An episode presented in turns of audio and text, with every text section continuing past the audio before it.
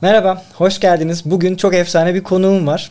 Ali Onkök, yapımcı, pazarlama iletişimcisi, süper bir abim var. Hoş geldin abi. Çok teşekkür ederim, hoş bulduk.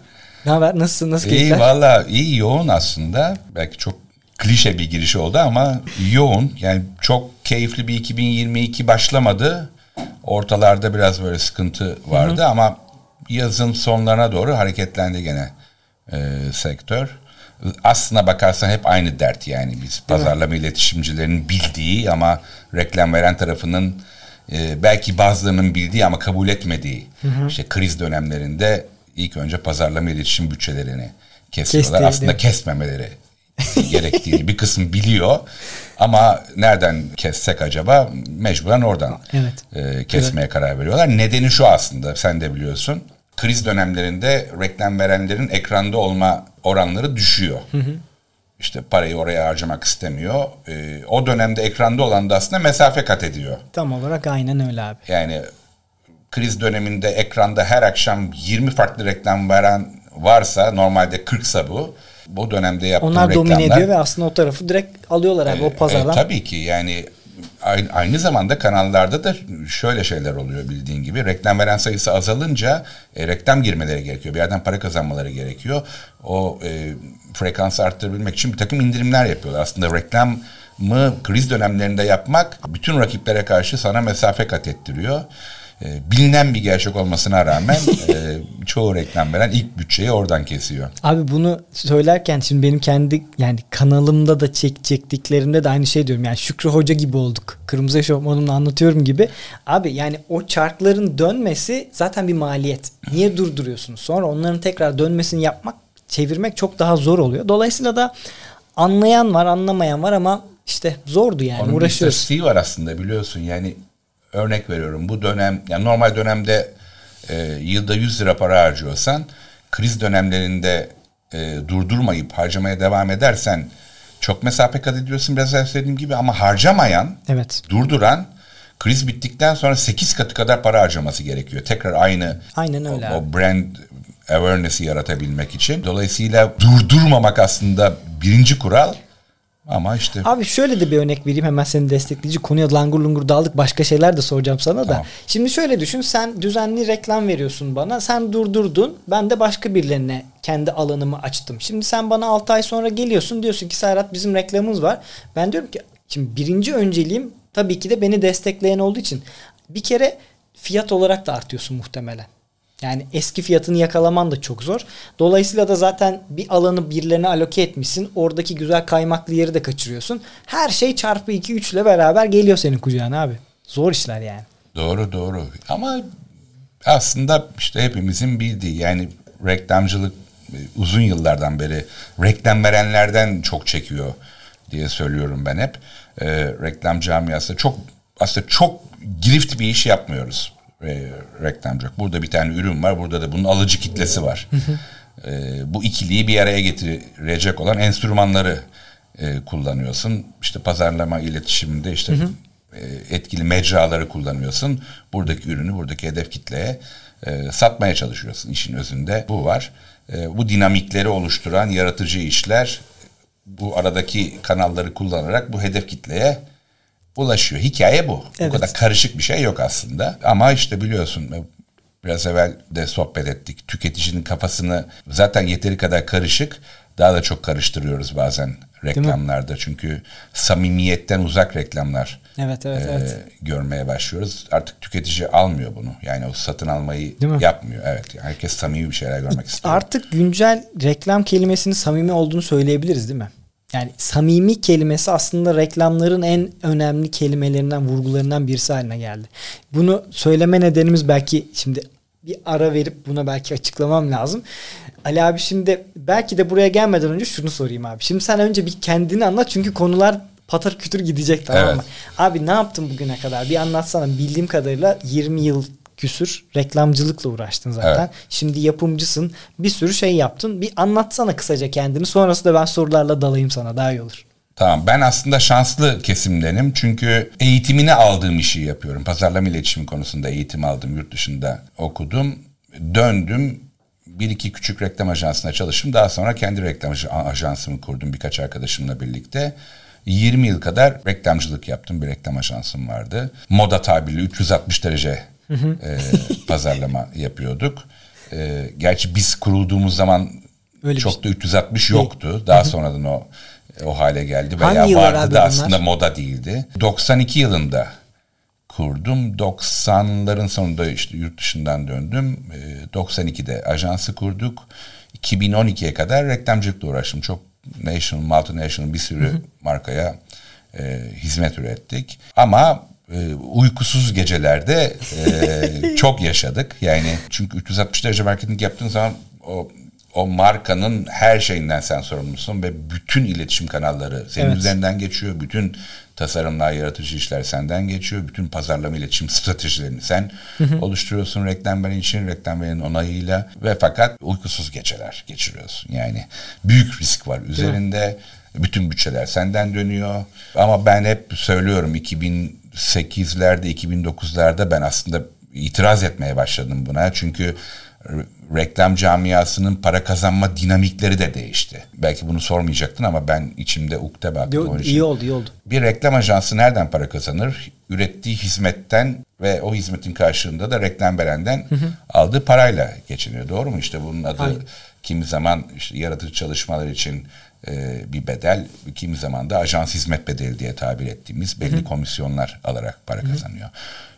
2000 8'lerde 9'larda o kadar çılgın bir hale geldi ki bizim eskiden ilk ajans kurduğumuzda 17-65'ler 15 %15 ajans hizmet bedelleri aldığımız e, oranlar yüzde sıfırlara falan düştü yani. E bu nasıl bir şey olabiliyor ki? Nasıl oluyor? Söyleyeyim çok basit. Bu, bu taraftan medyaya, e, reklam verenin parasını medyaya aktarıyorsun.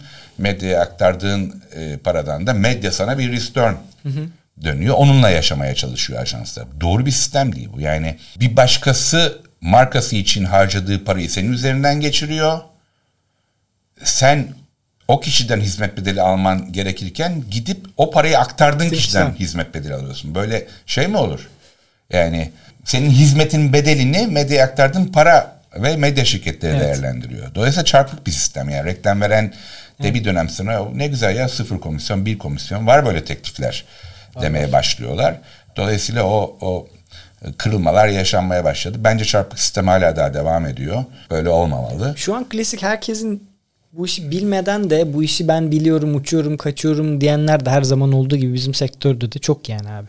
Yani iletişimciyim ben diye ortaya çıkıp aslında nitelikli dolandırıcı tabir ettiklerimizden. Yani nedeni şu. Şimdi bizim de ajansımız varken bizimle birlikte çalışan bir sürü genç arkadaşımız e, çıkıp daha sonra bir kısmı ajansını kurdu ve devam etmeye çalıştı. Bunların bazıları başarılı oldu, bazıları olamadı.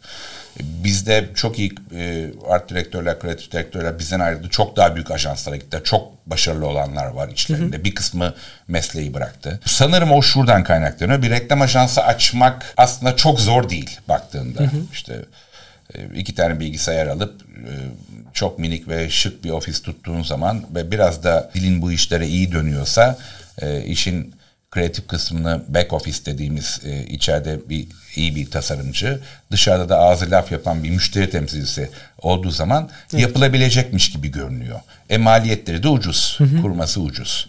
E, dolayısıyla bu mesleğe e, heves edenlerin sayısı da artıyor bundan dolayı. Bir, iki, havalı bir iş. Ben bildiğim bile işte reklamcıyım dediğin zaman vay reklamcısın falan böyle güzelmiş ya abi işin çok keyifli iş falan. O vardır yani. Abi ne kadar güzel vakit geçiriyoruz. Biz de çalışırken böyle eğlenebilsek falan gibi. Hep, e... Ama gece mesaiye kalıp işte az önce de konuştuğumuz gibi dizi seti bitene kadar, film seti bitene kadar orada kalmak sabahlara kadar evet. kimse konuşmuyor. Ya evet o mesela biraz gençlere söyleyecek çok şeyim var diyordum ya. Ya biz mesela reklam ajansım varken benim işe alımlarda da ona çok dikkat Bazen stajyerler geliyordu mesela. Stajyerleri çok seviyorduk biz. Onlara çünkü bir an evvel yolu gösterelim diye işte böcek diyorduk onlara. Kötü bir tabir belki ama öyle diyorduk. Her şeyi yaptırıyorduk onlara. Görsünler falan böyle. neler oluyor neler bitiyor işte. Veya yeni iş alımlarında yeni mezunlarda diyorduk ki yani e, işte burada iş beşte bitmiyor. Altıda bitmiyor. Yani bitme saati yok. Evet. E, dolayısıyla yani emin misin bu mesleği yapacağına yani çünkü bu, bu böyle bir meslek. Yaşayan yani. 7-24 yaşayan evet, bir şey. Yani bu sektörün sektör böyle yani Fi, film de böyle işte e, reklamcılık da böyle akla ilişkiler de böyle neyse yani bu sektörün içindeki olan bütün paydaşların saat dilimi yok. Eğer saat 5'te bitmesini istiyorsan bankacı olman lazım. Yani git bankacı ol sabah 9 akşam 5 çalış. Ama çok da eğlenceli değil yani. Değil bu sektörde olacaksan evet, saat dilimi, saat mevhumu yok yani. Az önce de sana söyledim ya. Mesela artık pazartesi ve cumalar kitlendi bizde. Neden? Hafta sonu çalışmıyoruz diye pazartesine yığılan bir mailler. Cuma günde kampanyalarımız var. Abi bizim kampanya çıkacağız. Saat 4'te 5'te kampanya dönüşleri. Reklamcılığın şeyi bu herhalde, kaderi bu herhalde. Evet, son dakikada gelen haberlerle işte hafta sonu çıkmamız lazım diye veya revizelerle biliyorsun o bir türlü ajans dağılamaz. Nereden çıktı bu kampanya? Nereden geldi şimdi bu zamanı mıydı diye bilinen tartışmalar yani Değil sektörde. Mi? Abi sana bir şey sorayım, başka bir şey sorayım. Az önce de yeni öğrendim. Bu arada bir parantez açıp şunu da söyleyeyim. Biz Ali abiyle aslında yeni tanışıyoruz. Yeni dediğim 4 ay 5 aylık bir mevzu var. Benim BNI tarafından aslında tanıdığım bir abimsin. Orada bir, şimdi bir şeyler yapıyoruz. Tabii ki konuştuk. Ne iş yaptığımızı biliyoruz ama mesela senin rally ile olan hikayeni bilmiyordum. Kısaca evet. değinmek ister misin? Bahsedeyim aslında tabii o gençlik zamanında bir hobiydi. Biz seyretmeye giderdik çok yakın e, çocukluk arkadaşımla birlikte. Rallilere, otomobillere merakımız vardı. Hı. İşte yarışları seyretmeye gidiyorduk. 1, 2, 3 derken bütün yarışları seyreder hale geldik. Sonra o arkadaşım yarışmaya karar verdi. Ben de yurt dışına gittim okumak için. Hı. Ben tabii koptum. Ee, sonra döndüm işte iş güç, ajansı kurduk bilmem ne falan. İlerleyen yıllarda e, o çocukluk arkadaşım ünlü bir ralici oldu. İşte Volkan Işık belki duymuşsundur. Onun eğitimler verdiği işte ralliye ilk adım eğitimleri diye bir eğitimi vardı o dönemde.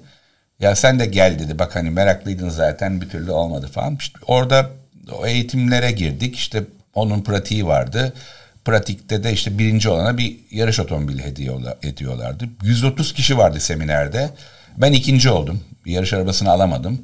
Bir başka arkadaşımız birinci oldu ama dedi ki tamam varmış bir şey. Yani hı hı. bir genç yetenek değiliz ama geç yeteneğiyiz galiba. ee, diye sonra bir, bir yarış otomobili hazırladılar e, bana ve iki yıl yarıştım. İki kere kendi kategorimde Türkiye şampiyonu oldum. E, sonra bıraktım. Bir, çok vakit harcamak gerekiyor. İki, çok para harcamak gerekiyor. e, ikisinden de bari zirvedeyken bırakayım dedim. Öyle bir macera o. o her zaman içimdeydi. Ama yarıştım. Hep, hep onu söylüyorum. Kendim için yaptığım en iyi şeylerden biriydi. Yani hep böyle başkaları için bir şeyler yapıyorsun ya işte evet, aile çocuklar evet, evet. falan. O kendin için yapıyorsun. Çünkü yarışırken her şeyi unutuyorsun. Tamamen kopuyorsun. Hı hı. Ee, çok eğlenceli, çok çok keyifli iki yıl geçirdim. Süper. Abi sana bağlayacağım şey şu. Farklı sorularım var ama şimdi gençlere yönlendirmeni istediğim bir şey var. Şimdi senin hayatında reklamcılık var, sonra yapımcılık var, ondan sonra geçmişte bir ralli var. Eminim farklı şeyler de vardır.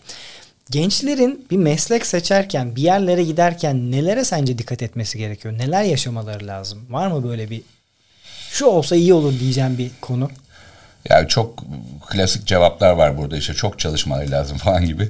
Böyle şeyler söylemek istemiyorum. Yani ben çalışırken eğlenmeye inananlardanım. Yani çalışırken eğlenmelisin. Çünkü çalışırken eğlenmiyorsan o zaman çok iyi yapamıyorsun o işi. Biraz evvel de e, yayın başlamaya konuştuk. İşte sabah 9'da işe gidiyorsun. Akşam 5'e kadar ya bitse de gitsek eve durumu varsa işte altta çıktın işte beşte altta neyse çıktın 2-3 saat arkadaşlarla vakit geçirip o sosyal hayatında biraz oradan böyle dinamizm kazanmaya çalışıyorsun. E, böyle olmaz Olmuyor. yani. Böyle olmamalı. Çünkü o zaman hayatının, yaşantının yüzde seksenini çalışarak yüzde yirmisini eğlenerek geçiriyorsun demektir. Evet. Oysa iş hayatında da eğlenebiliyorsan o zaman tamamını eğlenerek geçiriyorsun. Aynen öyle. Bu demektir. bir iş olmamalı. Yani bir yük olarak görmeyeceksin bunu farklı yaşamak gerekiyor abi. Ya çok ilginç özellikleri oluyor insanların. Ee, çok sevdiği işte sosyal hayatını yaşarken işin haricinde çok eğlenerek yaptığı şeyler var insanların. Onları para kazanmaya çevirebilirsen muazzam işte kaymaklı ekmek kadayıfı dedikleri şey. Ben sevdiğim işi yapıyorum. Yani hep ya reklamcı ya mimar olmam lazım falan derdim. Mimarlığı da çok seviyorum. Çok hı hı. hoşuma gidiyor bir sıfır bir yere almak, yapmak, uğraşmak mimar değilim, çizim yapamıyorum ama hı hı. göz zevkim olduğu için galiba o, o çok hoşuma gidiyor. O böyle işte alıp böyle virane bir nasıl ya burası alınır mı falan dedikleri yeri hı hı. alıp çünkü ben hayal edebiliyorum onu şöyle yaparsam bak bu noktaya gelecek falan gibi.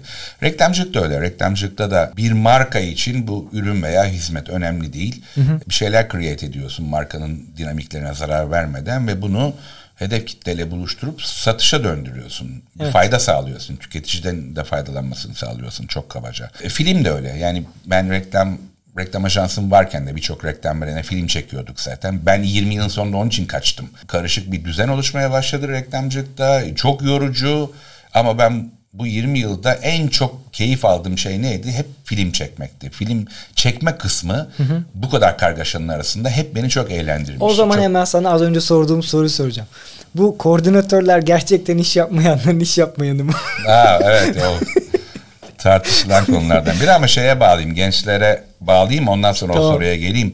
Gençler şu anda bazen şeyi bilemiyorlar yani işte ben ne iş yapacağım bilmiyorum ki işte ne iş yapacağım. Hı hı. Aslında buluyorsun kendi zevklerin ve özelliklerin nelerden hoşlandıklarının aslında senin hangi meslek grubun içinde olman gerektiğini üç aşağı beş yukarı söylüyor. Hı hı. Sen sadece farkında değilsin. Hı hı. Onu ilerleyen evet. zamanda daha net anlıyorsun. Net söyleyebileceğim bir şey var. Eğlenerek, keyif alarak yaptıkları şey işleri olursa o zaman hayat keyifli hale geliyor. Çok da başarılı oluyorlar. Değil mi? Yani çok çalışacağım ben bu meslekte.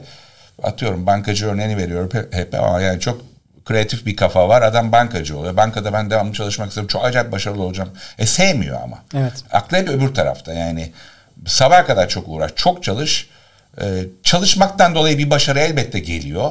Hı-hı. Gelmiyor değil. Ama e, sevmediğin için de belli bir yerde e, durmak zorunda kalıyorsun. Buna bu aralar çok gönderme yapılır abi. Follow your passion aslında çok büyük bir yalandır diye. Yani tutkunu takip et ama bunun bir de monetize etmen lazım. Yani bundan bir de para kazanacak şeyi bulmak aslında Nirvana'yı oluşturan şey. Yani ben gitaristim ondan sonra ama gitardan para kazanamadım. Hani farklı bir yaratıcılık tarafımı işte şu anki iletişimde kullanabiliyorum. E ben müzisyen olarak para kazanamıyorum diye o tarafı zorlasaydım, takip etseydim o passion'ı bir şey çıkacak mıydı? İşte onu alıp başka bir yere evriltmek gerekiyor sanki ya. O kadar çok böyle ya çok da kuralı gerek. yok onun aslında biliyor musun? Yani gençlerde de aynı şey. Ben ne olacağım? Ben bilmiyorum ne olacaksın ama o da bilmiyor zaten şu anda. Denemek de lazım. Yani evet. o hiç denemediğin zaman ben güzel bir iş buldum şimdi. Tamam çok mutlu değilim ama güzel böyle garanti paramı alıyorum falan denemeden olmuyor. Yani sık sık denemek gerekiyor. Bir şeyleri denemek,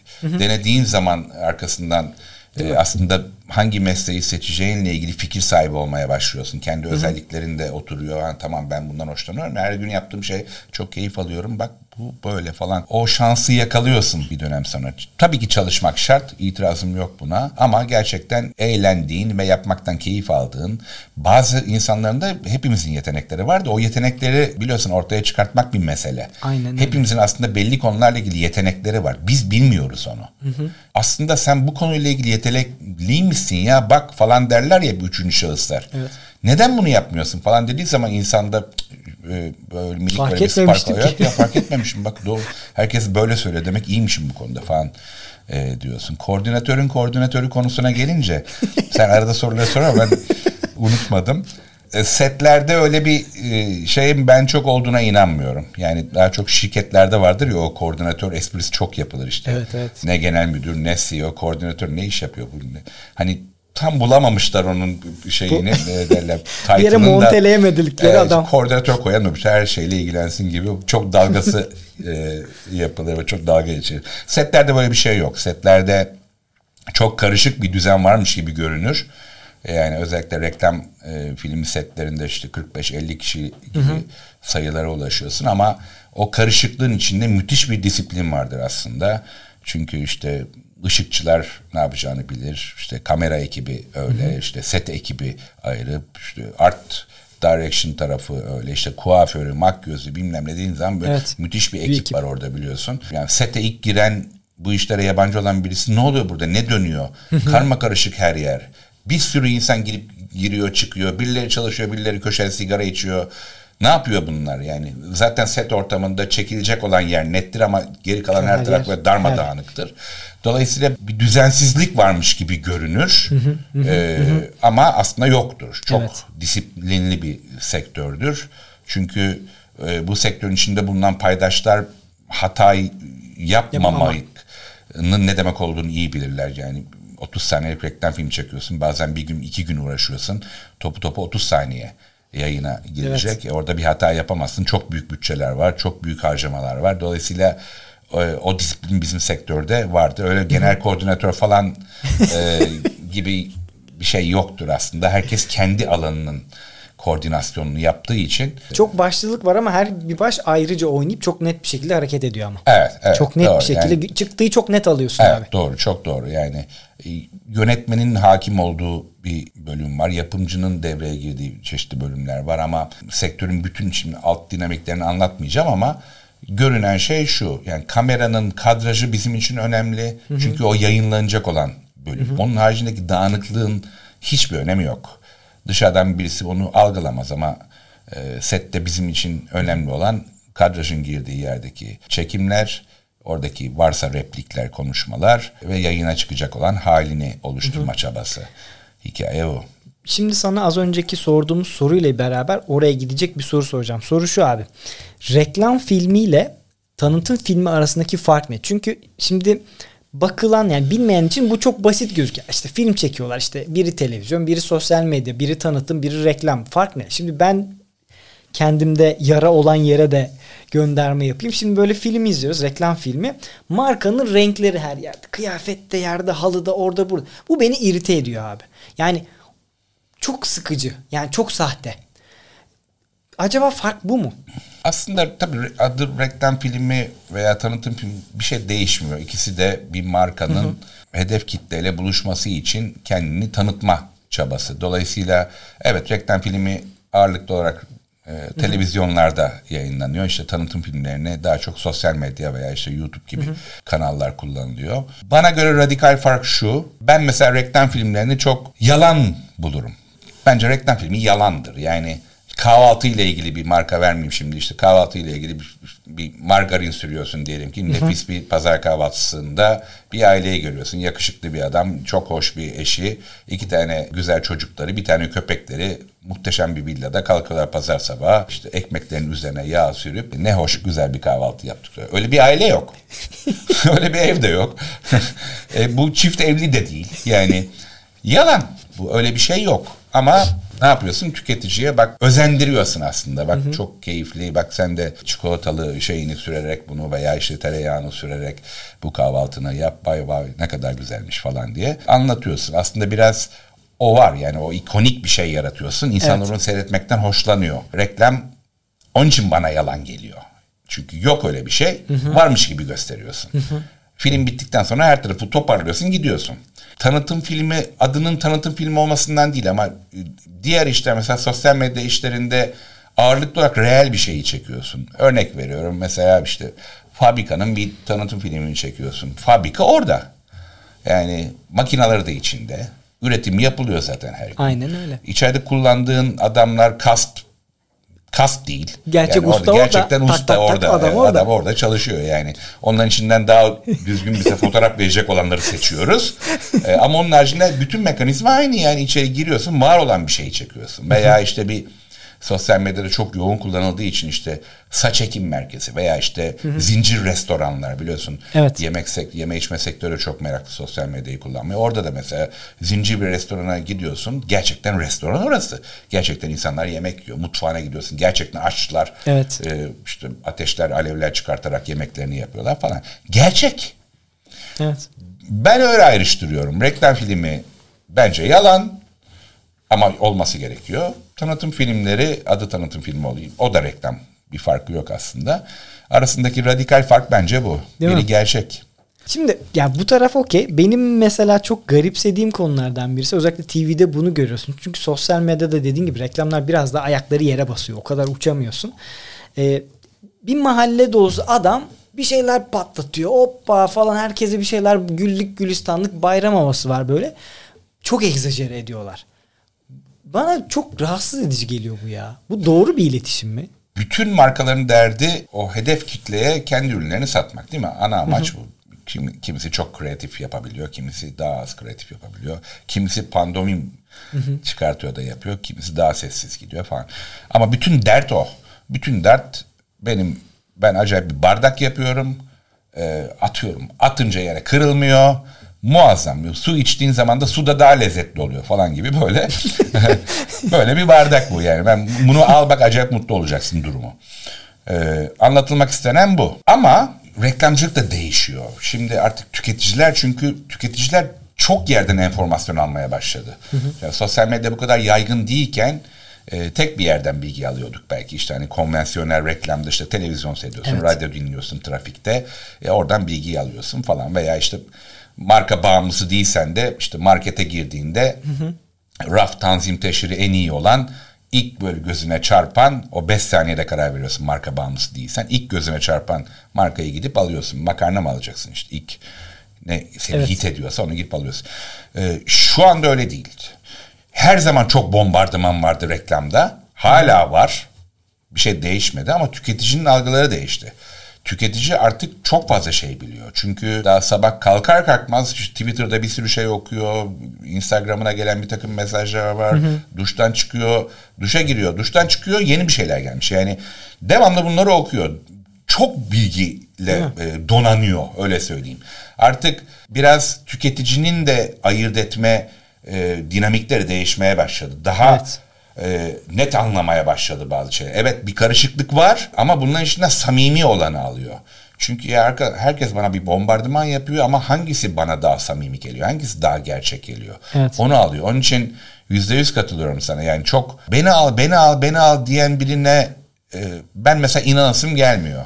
İşte bunu kullan, bunu kullan diyen birine ben kullanmayasım geliyor onu. Yani o çünkü çok doğal değil. Senin tespitin yüzde yüz katılıyorum tespitine. Bir şeyi alacaksan veya bir şeyi kullanacaksan veya bir hizmeti tüketeceksen o böyle naturasıyla gelme. O natural olarak seni ikna ettiği evet. zaman ikna oluyorsun aslında. Doğrusu evet, evet. o. O yöntemi mesela şu anda reklamcılar da büyük bir kavga bu. Yani bunu çözmeye çalışıyor. Herkesin derdi aslında aynı. Yani samimi Hı-hı e, tüketiciye samimi e, iletişim kurmak tüketiciyle onu evet. düzgün bir dille anlatabilmek ve e, onun bu ürünü kullanmasını bazen bu kadar direkt değil en direkt yollarla ikna etmeye çalışıyorlar değil mi? Yani sosyal medyada var bazen direkt reklam tabii. değil de en direkt işte tabii, bir yerlerde görüyorsun, ediyorsun. Bununla ilgili seri reklam oluyor da hani belki en sonuncusunda sana golü atıyor. Hani ulan bir merak uyandırıyor bir şeyler işte yapıyor. O word of mouth dediğimiz şey de o tüketici deneyimleri işte eğer sen kullandıysan ürünü hı hı. senin referansınla ben daha hızlı alıyorum gibi. Evet. Bir sürü yöntemi var bunun biliyorsun yani reklamcılıkta hı hı. o yöntemler sosyal medyadan sonra daha da arttı. Evet. Bir etkinlikte tüketicinin gözünün önünde olmak ama markayı gözüne sokmadan bir fayda sağlayarak veya hı, işte evet. bir e, tavsiyeyle o markaya doğru yönlenmek gibi. Ya ben kullandım acayip güzel hakikaten dediği zaman bir anda böyle evet, evet, evet. aylarca mesafe kat ediyor tüketici. Çünkü hani zorlanıyorsa hangi markayı seçmekte o referansla alıyor o bilgiyi gibi. Çok fazla e, yöntem ve mecra var artık biliyorsun. Evet. E, yani konvansiyonel reklamda kullandığımız o kitlesel e, iletişim araçlarının dışında da işte sosyal medyaya devreye girdikten sonra tabii, tabii, tabii, tabii. E, onlar o mecralar çoğaldı. Ama yüzde yüz katılıyorum. Samimi olanı tüketici almak istiyor. Çünkü onu artık ayırt edebiliyor. Şimdi birazdan sana soracağım soru TV ve sosyal medya reklamları. Onunla ilgili bir örneğim var ama yeri geldiği için BNI'ye bağlayacağım yer referans. Oradaki keyword'ü aldım. Şimdi BNI de aslında referans pazarlama değil mi? Ne evet. yapıyorsun abi? Ne zamandır sen için işin içindesin? Ne yapıyorsunuz BNI'da? Ben daha çok bu tanıtım filmlerini şirketin içindeki oranını arttırmak için e, Viyana'ya e, gelmek istedim. Çok da doğru bir tercih yapmışım. Hı hı. E, çünkü reklam filmlerini işte reklam ajanslarıyla zaten temasımız var. Ben eski reklamcı olduğum için orada bir hı hı. E, bir network'ümüz var. Reklam filmleri daha çok reklam ajanslarından geliyor zaten. E, ama işte bu tanıtım filmi diye aynı ayır, ayırdığımız bence o da reklam filmi de hı hı. bölümde genelde birçok markanın reklam ajansı bile yok. Tabii. Yani direkt tüketiciyle görüşüyorsun. E, öyle bir network'ümüz yoktu bizim. O network'ü nereden sağlayabiliriz diye düşünürken e, BNI'den haberdar olduk ve BNI'ye girdim. Onun üzerine de işte o girdikten ben bir iki yıl sonra falan pandemi patladı. Pandemide e, iyice bizim tanıtım filmleri oranımız artmaya başladı. Çünkü hı hı. bütün sanayiciler ihracat yapmak ister hale geldi. E, herkes fabrika tanıtım filmi çektirelim evet. e, diye bize başvurmaya başladı. Bizim mesela pandemi döneminde işlerimiz arttı. E, hiç tahmin etmiyorduk böyle Hı-hı. olacağını ama Hı-hı. arttı. BNI o anlamda e, çok işe yaradı. E, BNI'deki sistem şu biliyorsun referral marketing denilen bir yöntemi kullanıyor. Aslında biraz böyle bizim normal hayatta BNI olmadan da bazılarımızın yaptığı yani bazıları e, bazı kişiler için networker bu adam derler ya. Evet evet evet. Ya işte yakın bir arkadaşının işini buradaki yeni tanıştığı birine yönlendirir falan gibi. Bazıları doğal networker'dır evet, evet. hakikaten. Bazıları da değildir. Mesela ben doğal bir networker değilmişim yakın çevremdeki insanlara e, her gün böyle beraber yiyip içtiğimiz insanların ne iş yaptığını çok iyi biliyorum. Hiç onlara iş yönlendirmemişim mesela. Onu fark ettim bir yana girdikten sonra. Evet. Sonra işte o BNI kafası denilen şey oluşuyor. İşte en, en yakın birbirine çevrene. Birbirine paslama derdinde. Evet herkes birbirine paslama. Çünkü dünyanın en ucuz hatta bedava yöntemi referral marketing. Evet. Yani bir dönerciye gidiyorsun mesela döner yiyorsun Garsona sor dönerin iyi mi diye. Adam ne diyeceksin? Kötü demez yani değil mi?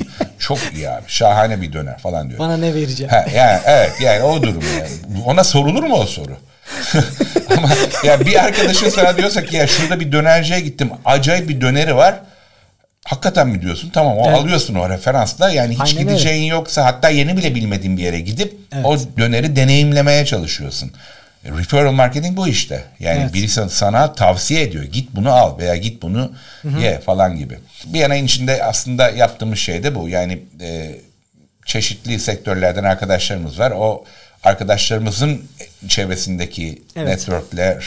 Networklerden birinin reklam filmine ihtiyacı varsa bana yönlendiriyorlar. Aynen ee, Birinin sosyal medya ile ilgili bir şeye ihtiyacımız varsa işte sana yönlendiriyoruz. Veya basılı işlerle ilgili birisine ihtiyacımız varsa işte matbaacı arkadaşımıza yönlendiriyoruz gibi. Aynen öyle. Referral marketing dünyanın en ucuz hatta bedava pazarlama yöntemi diyebiliriz yani. Değil mi? Güzel. Neyse buradan kapatayım sonra devam ederiz. Okay. Sorum şu. Şimdi az önce konuşurken de sordum. Konu şuradan çıktı. Şimdi biz TV çok evde tüketen birileri değiliz. Yani ben zaten bir şey izleyen biri değilim ama şimdi eşim ve çocuğuma bakıyorum. Atlas'a Netflix ve Disney çizgi filmleri gönderiyoruz. Ilgın da oradan bir şeyler izliyor. TV izlemiyoruz. Şimdi TV'de istemsiz bir reklama bombardıman tutuluyorsun. Artı bir de istediğin içeri istediğin gibi tüketemiyorsun. Yani onun kendi akışı içerisinde senin entegre olman lazım. İşte bu platformların sana sunduğu avantajda aslında sen kendine göre optimize ediyorsun içeriği. Nasıl görüyorsun geleceği? Yani TV'nin evet hem televizyon hem de bu platformlarla ilgili olan savaş mı diyeyim, geçiş mi diyeyim? Şöyle görüyorum.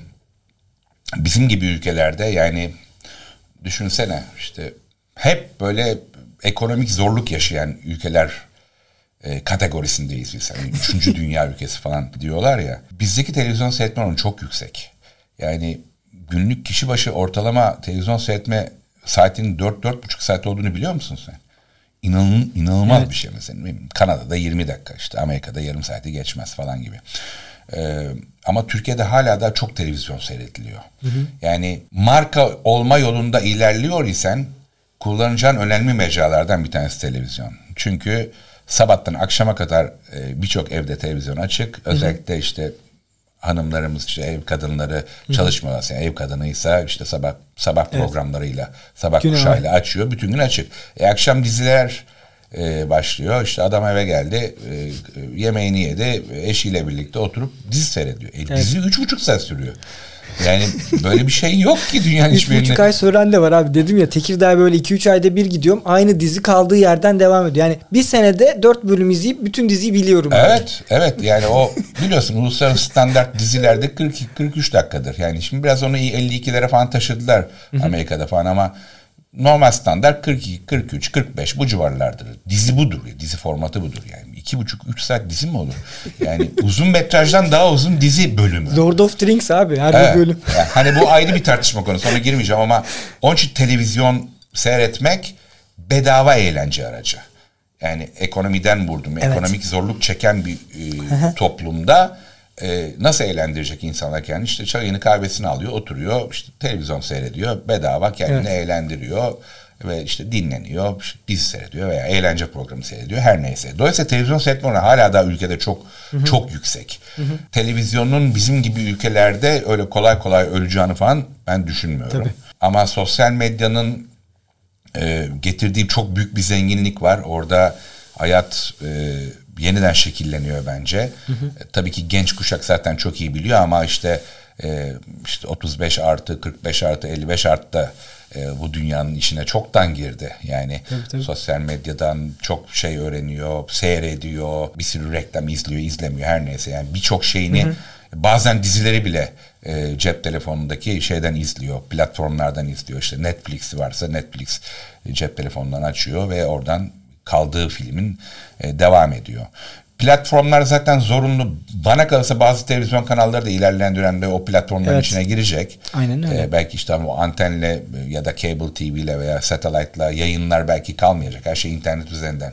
Dünya o tarafa doğru gidiyor yani. O da çok büyük bir endüstri. Yani antencilik diyeyim. Anten Evet. tarafı da çok büyük bir endüstri abi. Kutuyu tak, anteni tak, Tabii, kabloyu tabii. tak. Yani oranın fiziksel olarak bir de maliyeti döndüren bir de E ekonomi ama işte, tarafı var. işte interneti görüyorsun 5G, 5.5 ya ben 6 7 artık nereye gidecek o bilmiyorum ama çok hızlanıyor Evet. internet. O internet hızlandığı için e, işte o platformların içinde, akıllı televizyonların içinde bütün o logoları göreceğiz biz televizyon kanallarının logoları. Evet. Zaten var istesen de indiriyorsun Evet. şu anda ama hani internet hızlandıkça herkes oraya kayacak ve Evet. işte belki o antenle seyretmek veya işte kutu almak veya ne bileyim neyse işte o Dijitürk, Mijitürk falan seyretme devri yavaş yavaş azalacak. Herkes bu elektronik e, portalların içinde o kanalları seyreder hale gelecek. İkisi arasında şöyle bir fark görüyorum ben eğer ki e, marka hangisini kullanmalı gibi bir şey olsaydı ikisini de kullanmalı ama ikisinin süreçleri birbirinden farklı. Yani bir markayı televizyonda atıyorum o ülkenin e, majör 4-5 kanalında girdiğin zaman Türkiye'de iyi bir frekansla böyle bir haftada bir anda dikkat çeker hale Aynen geliyorsun bizim gibi ülkelerde. Aynen Şimdi öyle. sosyal medyada bu süreç birazcık daha uzun Tabii ki. oluyor. Çünkü orası yani deniz derya yani sen bir kum tanesisin nereye? denizin Aynen içinde. öyle. Evet. Yani sosyal medyanın hangi tarafına basacaksın o bütçeyi? Basıyorsun. O zaman dilimi içinde, o saat dilimi içinde tesadüfen girenler görüyor. Tabii.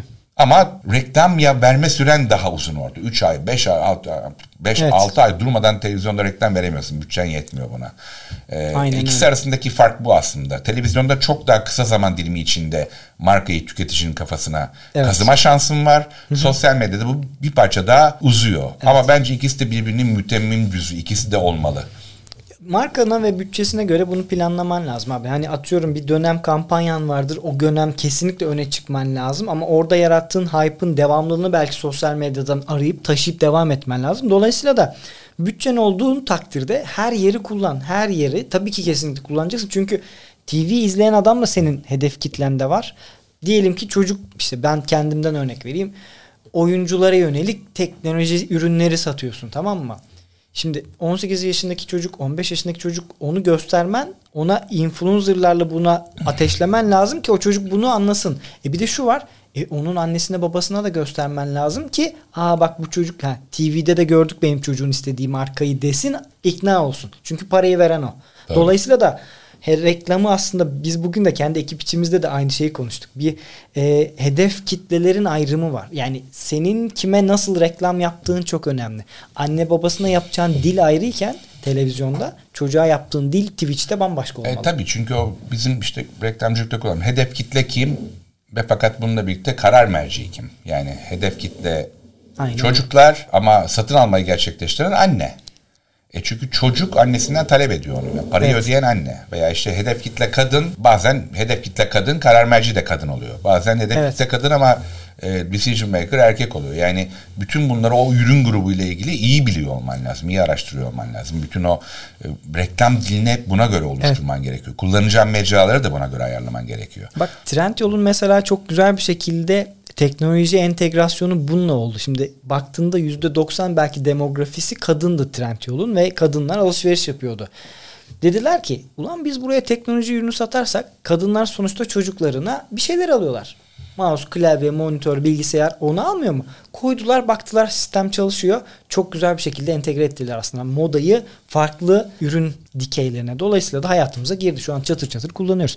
Yani paran varsa tabii ki abi her şeyi kullanmak E, tabii ama şey de var. Şöyle düşünüyorum şimdi sosyal medyada benim işte benim küçük kızımın da işte sosyal medyada çok dolaşıyor. TikTok, TikTok falan biliyorsun.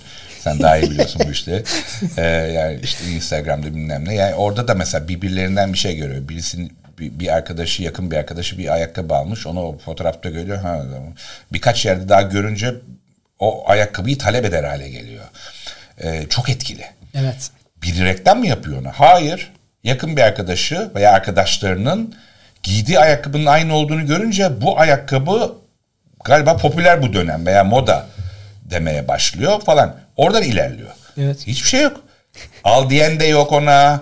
Ee, ona işte birisi uyarmadı da televizyonda reklamını da görmedi. Hiçbir şey görmedi. Sadece Instagram'da arkadaş çevresinde e, o ayakkabıyı işte 10 arkadaşının 5'inin giydiğini gördü. O bir anda onu tetikliyor. Benim de bu ayakkabıdan almam. lazım. Kime söylüyor? Ya annesine ya babasına söylüyor. Yani ben bunu istiyorum diye. çok çok e, çok değişik bir hale geldi. Yani hakikaten Aynen öyle. hedef kitle çok ilginç şeylerden etkileniyor ve tahmin etmekte çok zor zorlanıyorsun yani nereden etkileneceğini. Çocuklar aslında o anlamda çok işe yarıyor. Yani çok inanılmaz feedbackler alıyorum ben. Mesela ben şeye de çok seviyorum işte pazarları dolaşmayı çok severim ben. E, semt pazarlarını e, dolaştığın zaman orada çok ilginç hikayeler vardır. Yani hem e, pazarcının e, yani sat, satanın hikayesi vardır hem de satın alan kitlerin de ilginç hikayeleri vardır. Yani işte derler ya sosyete pazarı falan işte hali vakti yerinde olup ama pazara bir aktivite içe, Evet. için giden kitle var.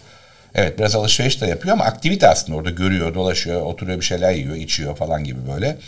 Ee, orada çok değişik bir mozaik görüyorum. Ben çok severim. Ne bileyim, mesela Tahtakale'ye gitmeyi çok severim.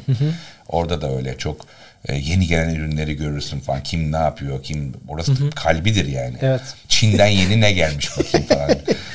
Dolayısıyla oralarda çok ne derler malzeme vardır. Ben e, filmcilikte mesela yapımcılıkta da çok faydalanıyorum bundan. Reklamcılıkta da çok zaten faydalanırdım.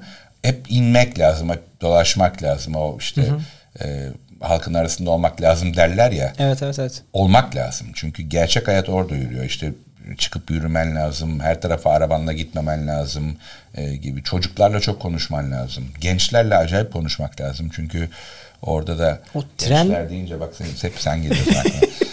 Ee, orada acayip şeyler dönüyor. Biraz belki Z kuşağına falan da girmek lazım orada. Ee, orada da mesela ilginç şeyler yaşıyorum ben.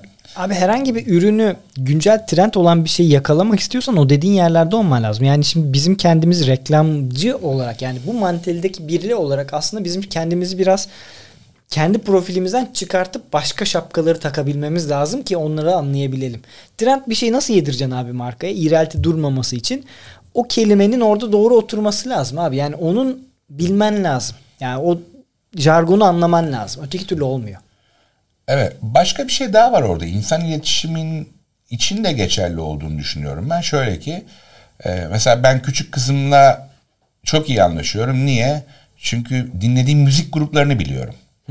O müzik gruplarındaki şarkıyı söyleyen, e, müziği yapan insanların isimlerini falan biliyorum. E, veya sınıfındaki arkadaşlarının isimlerini biliyorum. Bugün işte atıyorum Elif Naz ne yaptı diye soruyorum mesela. O anlatıyor isimlerini vererek anlatıyor. O bunu söyledi. Ahmet Can şunu söyledi. Bir de yeni isimler öyle ya. Elif Naz, Ahmet Can falan gibi. o da isimler. Ee, nasıl iletişim kuracaksın çocukla? Şimdi ben TikTok seyrediyor muyum? Hani mesleğimden dolayı bazen bakıyorum ama normalde seyretmiyorum. Onların dünyasında başka şeyler dönüyor. Ben nasıl yakalayacağım onu? Evet. Onunla sohbet edebilmem lazım. Nasıl sohbet edeceğim ben küçük kızımla?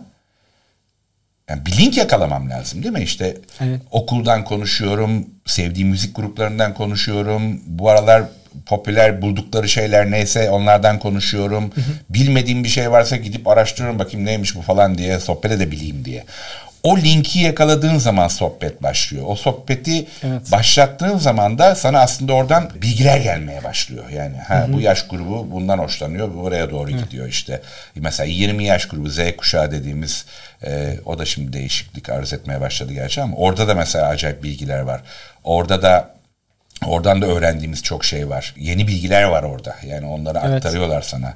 Bazen davranış biçimlerine kızsak da e, Bu tam olarak kuşak çatışması aslında değil mi? ya bilmiyorum Çatışma ben- değil ama ya- farklılıklar belki de. Ya çatışma demek doğru doğru olmaz. Şimdi çok ilerledi teknoloji. Şimdi bizim zamanımız deyip böyle ben acayip yaşlı bir adammış imajı falan çizmek istemiyorum. Beni oralara doğru getirme ama e, eskiden diyeyim. E, ya biz çok çalışırdık hani hakikaten e, öğrenmeye çalışırdık. Hiç gocunmazdık. sabrederdik falan. Şimdi mesela Z kuşağı öyle değil. Acayip sabırsız. Hemen işe girmek istiyor. Hemen çok iyi maaşla işe girmek istiyor. Hemen acayip iyi bir pozisyonda. Hem pozisyonu iyi olacak hem acayip maaş alacak falan. Hiç sıkılmayacak falan. Yani böyle çok değişik talepleri var yani. İşte işi bulduğuna dua et durumu yok o. İşi bulduğuna dua et. Ne dua edeceğim yani ben sevmedim bu işi ayrılacağım falan durumu çok hızlı gelişiyor onlarda. Evet. Sabretmeyi sevmiyorlar. Hemen e, koskoca üniversitede bunu okudum ben girip bu mesleğimi yapacağım gibi şeyler var yani. O koskoca o üniversitede onu okudun ama onu execute etmen gerekiyor. Yani bir yerden para kazanman gerekiyor, öğrenmen gerekiyor. Bunun için vakit gerekiyor. Hemen Hı-hı. seni oraya yani ne yaptın yani 22 23 yaşında mezun oldun ne yapacaklar? Seni koordinatör mü yapacaklar? Tabii ki aşağıdan bir yerden başlayıp bir şeyleri öğrenmen lazım. Öyle değil mi? Yani sosyal medya veya bu internetten dolayı çok bilgi ile e, hı hı. pompalandığı için aslında bir anda her şeyi çok öğrendiklerini zannediyor Z kuşağı. Hı hı. Şey yapmıyorum. Yani yargılamıyorum onları. Acayip bize göre çok zekiler bir kere. Yani biz hı hı. belki aptalmışız onların yaşında. Çok e, şey biliyorlar. Çok şey öğreniyorlar. O bilgiyi harmanlayabilme kabiliyeti hı hı. olanlar var, olmayanlar var. Ama şunu söyleyebilirim. Çok sabırsızlar. Yani çok hızlı tüketmeye alıştıkları için evet, evet, evet. E, bu da öyleymiş gibi geliyor. İş hayatı öyle değil. İş hayatında birazcık daha sabırlı olmak gerekiyor. Tabii. E, daha e, öğrenmek gerekiyor falan. Yani biraz vakit alıyor. Onları öğrenmeleri gerekiyor diye düşünüyorum ben Z kuşağında. Oralarda bir zorlanıyoruz, yalpalıyoruz gibi. Doğru haklısın. Bence onlar yalpalıyor. Ben öyle düşünüyorum çok şanslı olduklarını düşünüyorum. Bilgiye istedikleri her an ulaşabiliyor. Biz eskiden mesela ajansta kreatif kitaplar var.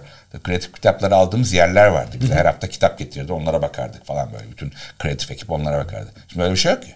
Şimdi nete giriyor. Aynen iki istediği saniyede. bilgi, istediği kreatif bilgiye ulaşıyor falan yani. Rakipler ne yapmış falan her şeyi görüyor. Şimdi çok şanslılar yani. Aslında o şansın kıymetini bilmiyorlar diyeceğim. Çünkü niye sabırsız ve ben bir parça affetsinler beni bir parça şımarık davrandıklarına hı hı. inanıyorum. Bunu iyi harmanlayabilen gençler acayip sivrilecekler. Uf ama böyle acayip evet. böyle 6. vitese takıp 300'e falan gidecekler gibi geliyor. Abi şöyle ya burada sana çok katılıyorum. Şurada katılıyorum özellikle. Bir sürecin böyle bir sindirme şeyi vardır. Yani bir şeyi sindirmen gerekiyor. Yani bugün şimdi seninle konuştuğumuz hedef kitleler hani hangi mecrada hangi hedef kitleyi kullanman gerektiğinin anlaşılması gerekiyor. Hani bu bir tahmin değil. Yani şimdi ben neden TV ile sosyal medyadaki hangi şeylerin nerede ne olduğunu biliyorum. Baktığında 7-8 yıldır sosyal medyada reklam veriyorum ve sürekli aslında bunu bir analiz ediyorum tamam mı? Neyin nerede nasıl çalıştığını o yüzden çok net hakimim. Hı. Ama bu bir süreçti. Böyle öğrendim mesela ben bu işi. Yani yaptım hata yaptım, yaptım, oldu çalışmadı, oldu çalışmadıyla günün sonunda öğrendim. Ama bir know-how getirdi. Bu bir experience ve bunu hızlıca böyle alamıyorsun yani. Anca Matrix'e gidersek takarlar diski I know Kung Fu olur ama o da şu an olmuyor yani. Abi senin şimdi bu reklamcılıkla ilgili bir de senaristlik tarafı var. Senaryo, kurgu vesaire tarafı var. Değil mi? Hani o reklamın doğru adreslenmesi için sence senaryonun rolü nerede burada? E, aslında benim senaristlik bir tarafım yok. Yani senaryo tabii bizim filmcilerin vazgeçilmezi yani bir senaryo olmadan Hı. bir film çekemezsin. Belki e, belki şöyle düşünmek lazım. Ben çok sinemayı bilen bir adam değilim. Yani film yapımcısıyım ama reklam ve tanıtım hı filmleri üzerine Hı-hı. uzmanlık alanım. Biz de çünkü sektörde ayrılır. İşte dizi çekenler ayrı, uzun metraj çekenler ayrı falan gibi. Ee, çok sinema bildiğimden değil. Ee, ama e, mesela senaryo işine şöyle bakıyorum. Düşünsene biz doğmuşuz bir dünyanın içinde yaşıyoruz. Bence biz zaten bir e, filmin içindeyiz şu anda. biz zaten o senaryoyu oynuyoruz. Yani anlatabildim mi? Bu mesela uzun metraj filmlere de baktığın zaman ne yapıyor? İşte senin hayatın, senin eşin, çocuklarınla ilgili hayatından bir pasajı, bir zaman dilimi alıp bunu uzun metraj film haline getirip seyircilere sunuyor. Veya mesela işte uzun metraj sinema filmlerinde hep şu vardı. Gerçek hayattan uyarlandı. Hı hı. Niye o mesela daha çok dikkatimizi çekiyor bizim? Zaten fiilen Hay- yaşandığı hayatın, için. Evet aynen öyle. Hayat, evet. Gerçek hikayeden alıntı. Evet gerçek e, ama gerçek hayattan alınmıştır yazmayan filmler de nereden alınıyor? O da gerçek hayattan alınıyor. Aynen öyle. Yani bir hikaye uyduruyor. İşte e, CIA bunu yapıyor. Adam onu yakalamaya çalışıyor. Gerçek var. Gerçekte var zaten bu. Evet. Yani çok zor değil aslında. E, Aslında bence hikaye tabii iyi senaryo olması ayrı ama iyi yönetmen de bitiyor. Yani işte biz yapımcılar tabii ki bir işimiz var. Senaristler çok önemli itirazım yok ama asıl hikaye bence yönetmenlerde bitiyor yani. Düşünsene bir tane fıkra var hep sıkça karşılaştığımız şeydir. Ben anlatıyorum kimse gülmüyor. Sen anlatıyorsun herkes gülüyor. Nasıl oluyor bu? Değil mi? Nasıl oluyor? Veya anlatım- stand-upçılar mesela. Hani isim vermeyelim ama ne yapıyor? Aslında normal hayatın içinde yaşadığı şeyleri gelip sana anlatıyor. Zaten bildiğimiz bir şeyi anlatıyor ama o kadar komik anlatıyor ki gülüyorsun. Onun gibi bir şey. Biz aslında hikaye anlatıcısıyız. Yani Evet. filmcilerin e, filmciler hikaye anlatıcıları. Yani Evet. e, ama burada bütün hikayenin ben yönetmende bittiğine inanıyorum. Yani hayatın içinde zaten bu filmlerde gördüğümüz şeyleri zaten yaşıyoruz hepimiz. İşe gidiyoruz, geliyoruz, kalkıyoruz, e, karımıza kavga ediyoruz, çocuğumuza e, se- seviyoruz işte neyse yani ne yaşıyorsak. Kaza oluyor bilmem ne hastalanıyoruz hastane. Var bunlar. İşte, işte derin devlet var, yok CIA var. Var zaten bunların hepsi yok mu? Var işte onu bir film, bir senarist geliyor diyor ki ya ben hayatın şu içinden şu bölümü bir şeyler yazayım, bunu film haline getirelim. Asıl hikaye bunu anlatma da bitiyor. Bir sürü senaryo var. Aynı senaryo biri daha iyi anlatınca o film hit oluyor. Onun için çok acayip gelmiyor bana böyle şeyler. Yani senaryo bildiğimiz hayatın içinden birileri, bir şeyleri kaleme almak aslında. Yeni bir şey yaratmıyorsun ki. Bir şey create etmiyorsun aslında. Gözlemlerini hayatın içinden bir dilimi anlat bana ilginç bir film. Ben Mesela biraz böyle senaryonun güzel ya güzel senaryoymuş dediğim mesela The Game diye bir film vardır. Michael Douglas'ın oynadığı Evet. eski bir filmdir mesela. Sonuna kadar ne olduğunu bilmezsin filmde değil mi? Mesela beni çok acayip hit etmiştir. Çok etkilendiğim filmlerden bir tanesidir. Çünkü ona öyle bir hediye veriliyor ki aslında bir oyunun içine sokuyorlar ve oyunun sonucunu kimse bilmiyor. Bunu oynayanlar haricinde yani Evet. oynayan kişi bilmiyor farkında değil. Şahane bir hikaye. Yani o zaman böyle bir senaryo hak- hakikaten çok etkili olduğunu düşünüyorum ama tabii bunu da e, tekrar anlatan veya bunu e, görsel hale getiren yönetmenin yetenekleri olarak görüyorum. Ben şizofrenik filmlere hastayım abi. Böyle ilkinde neydi o Bruce Willis'in bir tane film vardı ya. Altıncı. Meğerse Bruce Willis ölüymüş. Abi ben izleyemedim o filmi. ya onu artık izlemeyen izlemesin. Çünkü ben bunu üniversitede yaşadım. Bruce Willis meğer Bruce Willis ölüymüş dediler. Ben o filmi izleyemedim abi tamam mı? Elimden aldılar filmi. Ya ben mesela ben fantastik film seyredemiyorum. Ha. Evet, sevmiyorum çünkü yani işte kanatlanıp uçan bir çocuk falan yok ki böyle bir şey. Yani ben, tuhaf geliyor bana. Anlatabildim mi? O fantastik filmleri ben mesela seyretmeyi sevmiyorum. Abi peki Inception gibi filmler o tür şeyleri seviyor musun? Ya, Ya o da fantastik. işte. O da Evet, fantastik. tabii, yani evet. ben sinema eleştirmeni değilim. Sinema ile ilgili bilgim dediğim gibi yani benim uzmanlık alanım başka ama ben çok ahkam kesmem çok doğru olmaz ama e, benim fantastik filmler hoşuma gitmiyor. Benim şahsımla ilgili bir şey yani. Fantastik filmler hoşlanmıyorum. Gerçek hikayeler çok hoşuma gidiyor. E, ama zaten bunun adı gerçek hikaye demese de öbür e, hikayeler de gerçek hikayeler. E, dolayısıyla daha ayakları yere basan oralardan çok şey öğreniyorum çünkü neler dönüyor, neler bitiyor. Aa vay ilginç bak ben hiç öyle düşünmemiştim. Hani bir olayı anlatıyor belki bir ailenin içinde bir olayı anlatıyor ama hiç aklına gelmediğin bir versiyonunu anlatıyor. Evet. Hiç öyle düşünmemiştim diyorsun. Bir şey öğreniyorsun. Ben çok film seyrediyorum bu arada. Yani zorunlu olarak mesleğimden dolayı tabii televizyonda bakıp reklamları takip ediyorum ama onun haricinde ben de çok filmciyim. Arka arkaya 4 film falan 5 film falan seyrederim yani. Süper. Diziye başladıysam arka arkaya 10 bölüm falan seyrediyorum yani. Delilik belki ama e, çok seviyorum. Süper abi. Ben onları kaybettim. Yani ben o kadar çok izleyemiyorum. Belki de yani bu tamamen şeyle odaklanmak. Ya senin işin mesela tabii ki görsel sanatlar olduğu için o, o olabilir. Mesela ben kitap okumayla çok fazla yapıyorum. Şey vardı bende. Askerden geldikten sonra işte Heroes vardı. Abi gitmişsin adamlar 2-3 bölüm patır patır bir çıkartmış. 2-3 gece otur bütün seriyi bitir falan. Bu çok güzeldi de artık ben yapamıyorum o kadar çok şey izlemeyi yani. Ya mesela bu kitap okuma hadisesi de çok önemli bir hadise. Mesela benim dönemlerim var kitap okumakla ilgili. bir takılıyorum. Yani başlıyorum mesela bir konuyla ilgili. Orada da mesela derin devlet kitaplarını okumayı çok seviyorum. Bu aralar tasavvufla ilgili bir takım kitaplar okuyorum. Çok hoşuma gidiyor. Joe Dispenza'nın kitapları var. Onları çok seviyorum. Ama dönemim var benim yani. Bir takılıyorum. 6 ay boyunca durmadan okuyorum.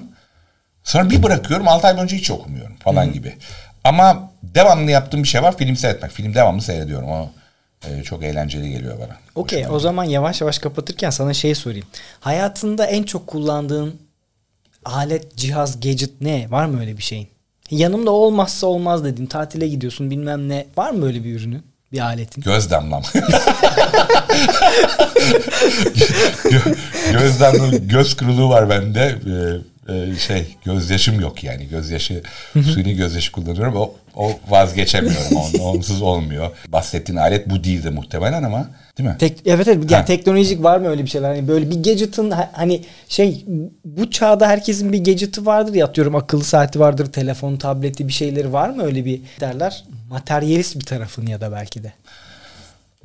Yok yok galiba yani herkes gibi cep telefonu taşıyorum ama e, yok sanırım yok yani. Süper bir şey.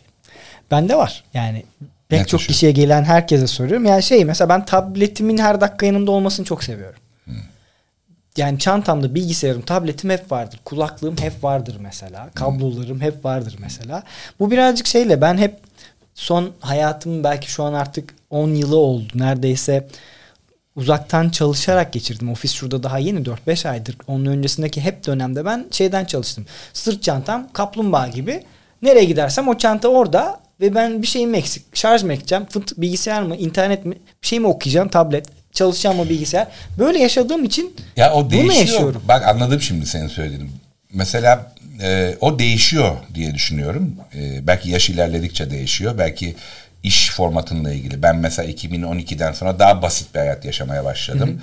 Sadece film çekiyorum. Acayip rahatladım. Yani filmi çekip verip teslim edip dönüp arkama gidiyorum. Yani Tertemiz. reklamcılıktaki gibi böyle uğraşmıyorum. E, daha basit hayata geçiyor. İşte motor kullanmaya başladım falan. Şimdi toplantım benim her zaman trafikle bellidir. Yani toplantı trafiğim bellidir. Evet. Onun haricinde ben çıkarken bilgisayarımı almam lazım. Eskiden alırdım. Eskiden hep yanımda olsun. Her an bir şey olabilir. Evet her an abi. top. Şimdi böyle bir şey yok. Şimdi her, her şeyim randevuyla ne zaman toplantı yapacağım belli. Böyle işte bir veya iki hafta evvelinden belli. Dolayısıyla hep bilgisayarımı yanımda taşımak zorunda değilim.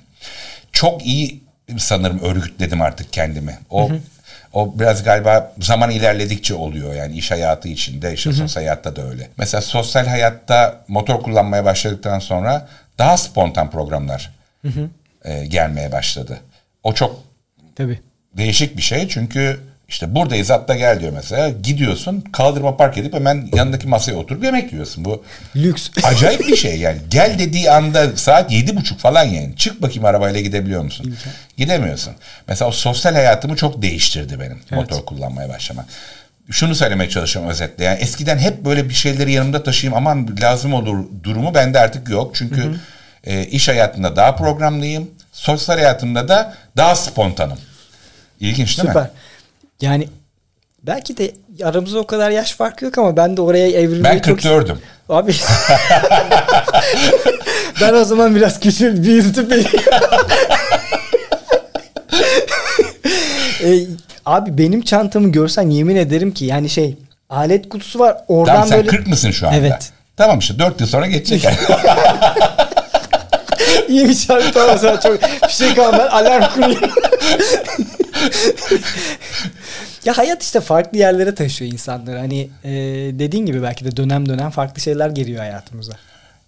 yani Pet'in iPad'inde ne yaptığını bilmiyorum ben ama yani birçok şeyi artık cep telefonuna koyabildiğin için Evet evet. çok ben bir tek bilgisayarıma ihtiyacım var çünkü filmleri gösterirken oradan ancak en iyi gösterebiliyorum.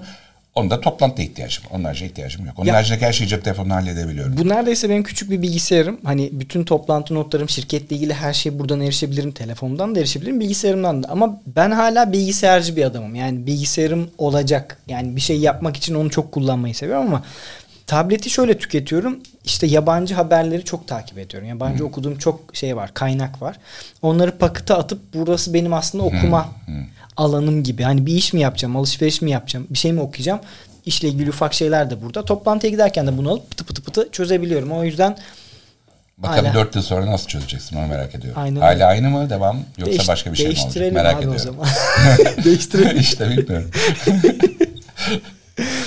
Abi güzel bir sohbet oldu. Geldiğin için teşekkür ben ederim. teşekkür ederim. Beni Vallahi- ağırladın çok çok Rica keyifliydi. ederim. Çok güzel şeyler çıktı. Yani gençlerin alması gereken çok güzel noktalar var aslında. Hayatın geldiği noktada işte 92'de başladım dedin. İşte 2022'deyiz. 23 geliyor. Ciddi bir süreç var içerisinde baktığında. Hayatın nasıl değiştiği, reklamcılığın işte film çekiminin ondan sonra hayatın nasıl evrildiğinin, geldiğini o yoğunluktan şimdiki hayatın herkesin aslında bir şeylerin ucundan bir şeylerin alabileceği bir Evet evet aslında o işte o arada konuştuk onu. Ben o anlamda kendimi çok şanslı hissediyorum. Öyle bir jenerasyonuz ki biz dediğim gibi işte o e, karanlık odalardan başladı. Bir anda bilgisayara geçtik derken internet geldi. Her dönemi yakaladık biz. Şimdiki Z kuşağı yakalayamadı o. Z kuşağı sadece son 20 yılı yakalayabildi. Ama biz ben o anlamda kendimi çok şanslı hissediyorum. Çünkü yani net analizler yapabilme ve harmanlayabilme şansına sahibiz. O anlamda şanslı olduğumu düşünüyorum. Benim jenerasyonumun şanslı olduğunu düşünüyorum. Güzel. Acayip güzel. Yani umarım gençler sizden de varsa sorularınız alırız zaten de hani Ali abiye soracağınız, faydalanmak istediğiniz abi şu şu şu olsa da şunu da yanıtlasan dediğiniz şeyler varsa gönderin gelsin. Yanıtlarız değil mi abi? Evet tabii ki neden Belki bir olmasın. sonraki bir bölüm daha çekip farklı birilerini de entegre ederiz. Evet, tartışma şahane olur. yaratırız. Şahane olur. Çok sevinirim. Çok çok teşekkür ederim. Geldiğin için teşekkürler. Ben bir teşekkür sonraki ederim. bölümde görüşürüz. Hoşçakalın.